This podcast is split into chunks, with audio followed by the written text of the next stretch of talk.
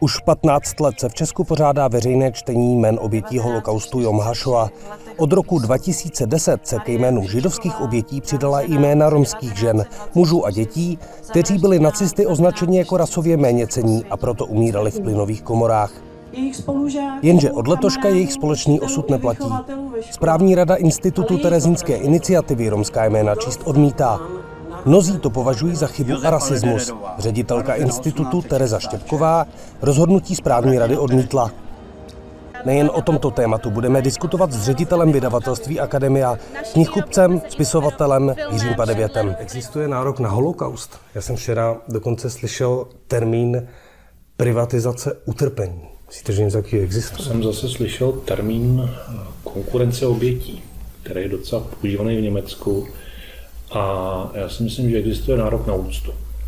Ať už ti lidi, kteří zahynuli z různých důvodů rasových, politických a který zabili jakýkoliv režim, ať už to byl nacismus nebo komunismus, ať už předtím byli jakýkoliv, dělali cokoliv, tak to jsou prostě oběti. Jsou to oběti nějakého násilí, který bylo vedený za jedním, za jediným účelem ty lidi si zabít. A k těmhle těm všem lidem, nebo k jejich oběti bychom měli mít úctu. Proč se podle vás tak málo mluví o romském holokaustu? Já třeba ani jako osobně neznám Roma, který by neměl někoho příbuzného v koncentračním táboře třeba. Ale přijde mi, že e, proti holokaustu židů se o tom vlastně mluví, jako kdyby to nebylo. Já si myslím, že to je asi tím, že e, židovské elity s holokaustem pracují zcela správně. Připomínají ho, upozorňují na to, aby to nestalo znova a teď nechci pálit jako do, do něčích řad, ale myslím, že romské elity by se měly v tomto směru víc snažit. Že my sami bychom o tom měli víc mluvit? Určitě. Jak mezi sebou, tak ve vztahu k té majoritě. A taky si myslím, že to je možná, aspoň pokud se teď týče České republiky, nebo o Evropě, tak je to možná tím, že eh, Češi, Moravaní, Slezani jsou bohužel na tom, na tom romském holokaustu, na té genocidě zainteresovaný podstatně víc než na té židovské. Což je jak jedna z věcí, o které se příliš nemluví. Což je jedna z věcí, o kterých se si myslím eh, oproti době, dejme tomu před rokem 80, kdy se o ní samozřejmě nemluvilo vůbec, protože Jasně. Češi byli oběti pouze nebo hrdinové možných povstání, eh, tak si myslím, že se o tom mluví výrazně víc vyšlo několik studií, jak o letech, tak, tak o Hodoní a Kunštátu, kde se snad konečně otevřel už památník. A je to strašně dobře, že obě ty místa, který, který jako nejvíc asi souvisejí s genocidou Romů během protektorátu, takže jsou už dneska postavní jako pětní místa, jako památníky. Ale jak dlouho to trvalo, že? Jak dlouho to trvalo, samozřejmě. Měli prasečák v letech. myslím, že prasečák v letech byl jako jednou z největších vostud eh, českého státu po roce 89. To, že jako nešel odstranit daleko dřív. Myslíte, že by se něco dělo, kdyby třeba ten Polanský o tom koncentráku nenapsal? Já myslím, že by to, eh, že časem jo, že prostě je to věc, který si všimne historici, nebo která začala historiky konečně zajímat. Takže těch odborných studií už dneska jako není málo a dostat to do toho obecního povědomí bude samozřejmě ještě nějakou dobu trvat. Ale jednou to tam bude. A jednou, já mám takovou, ne poučku, ale takovou větu. Až se, až se budeme dívat na oběti z Lidic, na oběti z letů u písku a na oběti z postooprt úplně stejně, tak bude tady v té zemi skoro všechno v pořádku. Myslíte si, že za to můžou politické elity? A tím myslím třeba, eh, že tady pan prezident republiky řekne navíc romskému redaktorovi České televize, že 90% eh, Romů eh, nepracuje. Potom... Já si myslím, že pan prezident, já se trošku zdráhám tady toho pana označovat jako pan prezident, ano, tu funkci formálně vykonává. Já si myslím, že inženýr Zeman strašně rád provokuje a rozeštvává lidi. A tohle byl jeden z mnoha, mnoha případů.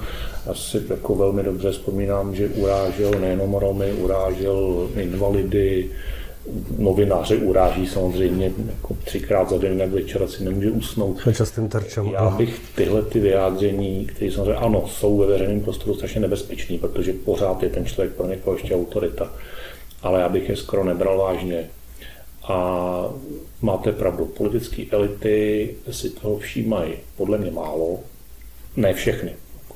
No tak třeba ale tady jsou pan, výjimky samozřejmě. Pan Okamura třeba říká, že to byl koncentrák, který pan, nebyl třeba... Ne, pan Okamura za prvé není, není politická elita. To, ano, prvé, to na tom se shodneme. Za druhý lže. Zcela, zcela evidentně a ne, ne jednou. Takže toho bych taky nebral vážně. Ale... ale jsou to lidi, kteří říkají něco ve veřejném prostoru. Jsou. Je tu určitá skupina lidí, kteří je berou vážně. No. U případě SPD to je 13,5% lidí, což není málo. A přece tito lidé, jako, kteří mají nějakou odpovědnost, tak prostě chodí do toho veřejného prostoru.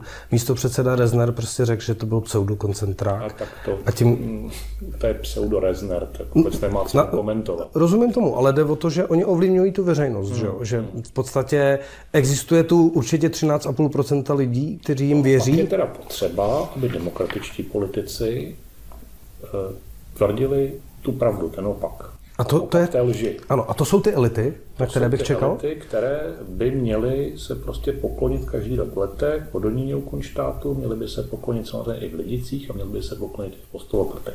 Problém je, že politik, byť je sebedemokratičtější, tak potřebuje voliče. A já myslím, že řada politiků, těch demokratických, těch správných v úvozovkách, tak má prostě strach, že tím gestem slovo gesto používám celá záměrně teď, že položí kytku v letech, nebo položí kytku v postolopatech, nebo položí kytku někde, kde to, kde to jako úplně nenosí. Tak přijde o ty voliče. Přijde o politické body. Vidíme to na Slovensku, kde prezidentka republiky vyvěsí romskou vlajku, hmm. zatímco prezident České republiky říká, že 90% Romů nepracuje. Prezident České republiky má na své standardě napsáno pravda vítězí.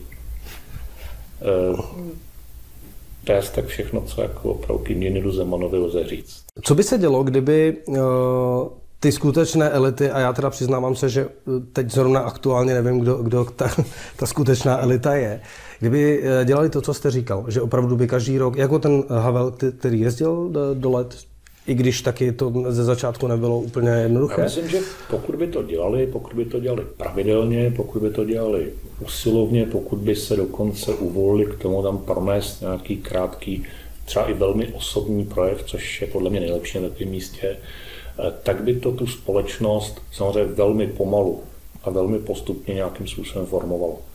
Spousta lidí, kteří dnes ano, si řeknou, no ten Okamura, no na tom asi něco bude, když to říká politik, tak by si řekli, no ale tady jako pět, šest politiků prostě stojí někde u nějakého pětního místa a říkají, že k těm lidem máme mít úctu, tak třeba tam něco bude. A to je to, na co jsem narážel, že to se vlastně neděje. To, ale mělo by se. Podle mě by se to mělo dít. Kdy se to bude dít? Já myslím, že mm, přichází, doufám, myslím, ale doufám, že přichází skutečně nová generace politiků. A já teď nechci nikomu dělat politickou reklamu, tak samozřejmě sám budu někoho volit, ale nechci, nechci z tohle dělat politickou show, který, eh, který díky svým věku, díky svým vzdělání k těm věcem už přistupují opravdu otevřeně. Pojďme jednou otázku k tomu rozhodnutí té správní rady Institutu Terezinské iniciativy. Protože já se samozřejmě neptám jenom vás, podívejte se, co řekli rozhovoru i jiní lidé, mimo jiné třeba šéf chodovského združení Kamoro, eh, který četl židovská jména v rámci hmm. čtení, a nebo třeba Fedor Gál.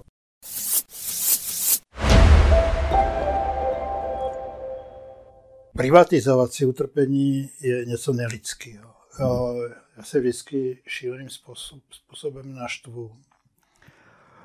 A, ale dokážu se naštvat i tehdy, když vidím, že lidé třeba z romské komunity nebo jiné sexuální orientace nebo duševně nemocní, kteří šli do plynu do krematorií například v Auschwitzu. Jako kdyby měli jiný nároky eh, na pětu. Je to, je to zhovadilost šílená. Ono se uvádí, že, že čtení romských obětí společně s židovskými obětmi eh, by se neměla, neměla číst, neboť to neodpovídá romským tradicím, kultuře, historii, eh, zvykům. Já bych, já bych jenom oponoval, dovolil si oponovat, že tomu tak skutečně není. Eh, a tak, jak uvedl v jednom příspěvku Čeněk Růžička, tak s tím souhlasím. Ať se čtou jména třeba tisíckrát za rok, ať se to opakuje, ať se to připomíná novým generacím, že tyto hrůzy se dělí, děli. Bylo by velmi smutné, pokud by v rámci piety ke dní holokaustu nebyla čtena jména romských obětí. Absolutně k tomu nevidím žádný důvod. Ani racionální, ani žádný jiný. Naopak, společné čtení je pro mě velmi symbolické. Prosím, nerozdělujme oběti holokaustu na základě etnicity. Moc nechápu ten vzkaz uh, nejenom nové generaci, ale také našim nepřátelům, co těm světu říkáme. Je potřeba s tím zacházet opatrně. Co já vím, kde jsou mý příbuzní, kde je jejich popel a kde je, nemají hroby. A číst jména obětí znamená uchovávat je v paměti. Já myslím, že to byl Primo Levi, který ve své klíčové knize Noc řekl, že zapomenout znamená nechat ty lidi zemřít ještě jednou. Tak teda to by byl hřích veliký na minulosti, na přítomnosti, na budoucnosti. Čili číst jména obětí holokaustu, ať je jejich náboženství, etnicita, národnost, jakákoliv, je naší povinnosti a ty spory jsou jalové.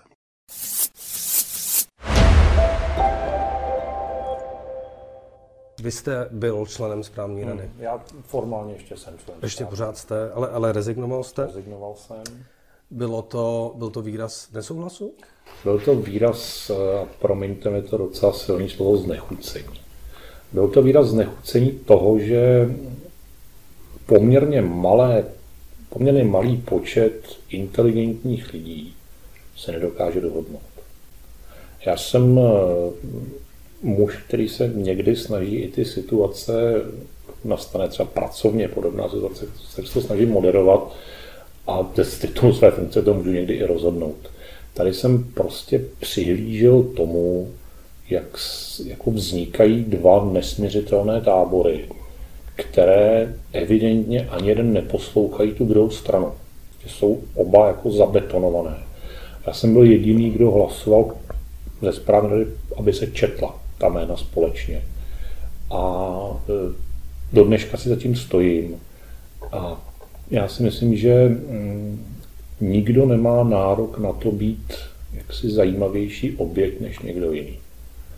A pokud se budou číst jména romských obětí, židovských obětí, pokud se k tomu budou číst jména obětí z řad homosexuálů, pokud se budou číst jména zavražděných duševně nemocných, pokud se budou číst jména obětí eh, politické persekuce nacistické, tak já budu jenom pro. A taky Němců třeba, že vy jste ve své knize Krvavé finále popisoval právě uh, situace, kdy oběťmi paradoxně byli Němci. Ano, ale tam jsme byli my pachatelé, čili to se nám zpracovává trošku hůř. Myslíte, že se k tomu nechce jako... Je, je těžší se k tomu přihlásit? Myslíte, že to bylo těžké je, pro ty Němce? Vždycky je, Třeba. vždycky je jednodušší být eh, oběť než pachatel. To, jako to se lépe vypráví potom ten příběh.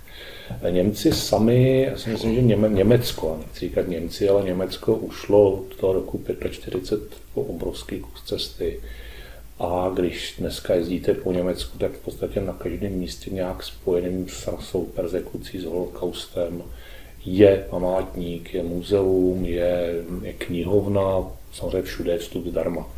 Když se podíváte u nás, tak eh, o spoustě míst, kde umírali lidi, se vlastně v širší veřejnosti skoro neví. No proto o nich musíte psát vy, že? Proto musím sem tam napsat nějakého průvodce. A v Terezíně se prostě vybírá vstupné, že to přijde. Myslím, že tohle by třeba státní kasu vůbec nebylo, kdyby Terezín bylo zadarmo. Řekněte mi, jak je to možné. Já třeba, když tady řeknete v Čechách, že v letech u písku byli čeští dozorci, hmm kteří měli samozřejmě vinu na, na, na tom, co se v letech dělo, tak se na vás vrhne tady část národa a jste... Ale tak část národa... Já jsem to, já jsem to napsal právě, no. protože jsem to napsal, tak vím, jaký jsem dostával reakce a vím, jak spoustu lidí reagovalo. Uznávám, že to není zrovna Ale ten správný vzorek. přesně to, o čem jsem mluvil před chvílí. Právě. My jsme přece ti Češi, my máme ty, ty holubičí povahy a my bychom nic takového nedělali. Dělali. My jsme úplně stejní jako všechny národy okolo nás. My dokážeme mít hvězdné chvíle, jako třeba operace Antropoid nebo Pražské povstání, ale dokážeme taky být pěkní parchanti. A je to velmi často zapříčiněno těmi velkými historickými kameny, které nás prostě v tom 20. století měly všechny na kaši v podstatě, nebo na prach, chcete-li.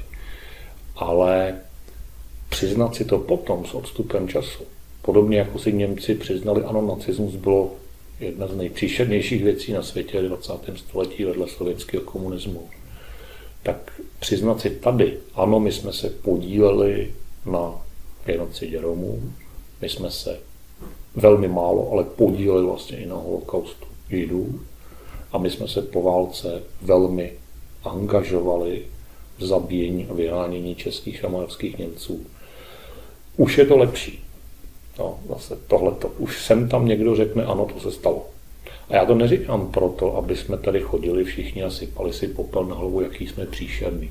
Říkám to proto, aby jsme si přiznali, že jsme stejný národ, nebo jsme velmi podobní jako národy okolo, jako Němci, jako Poláci, jako Slováci, a aby jsme si uvědomili, že v každém národě je nějaký Karel Čapek, nějaký Ferdinand Peroutka, a nějaký Karol Pazur a nějaký Klement Gottwald.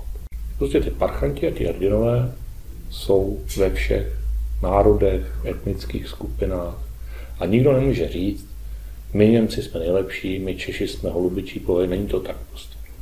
A pokud čím dřív si tohoto přiznáme, tak tím dřív budou ty politici jezdit do letu a pokládat tam mince. V romské kultuře se ten holokaust stáhne napříč, já předpokládám, že nerozumíte romsky, ale uh, romské písně. Velmi často ten motiv, ten leitmotiv těch, těch písní je holokaust a utrpení a bolest, což je mimochodem jedna z těch věcí, která nás spojuje s Židy. Že jo? To, to je vlastně uh, společné vzpomínky, společný osud. Je ta genocida, ten holokaust je prostě jako zásek do, do, do kultury. A já se teda takovým oklikou teda vrátím zpátky k tomu, že je, proč myslíte, že se tohle může stát?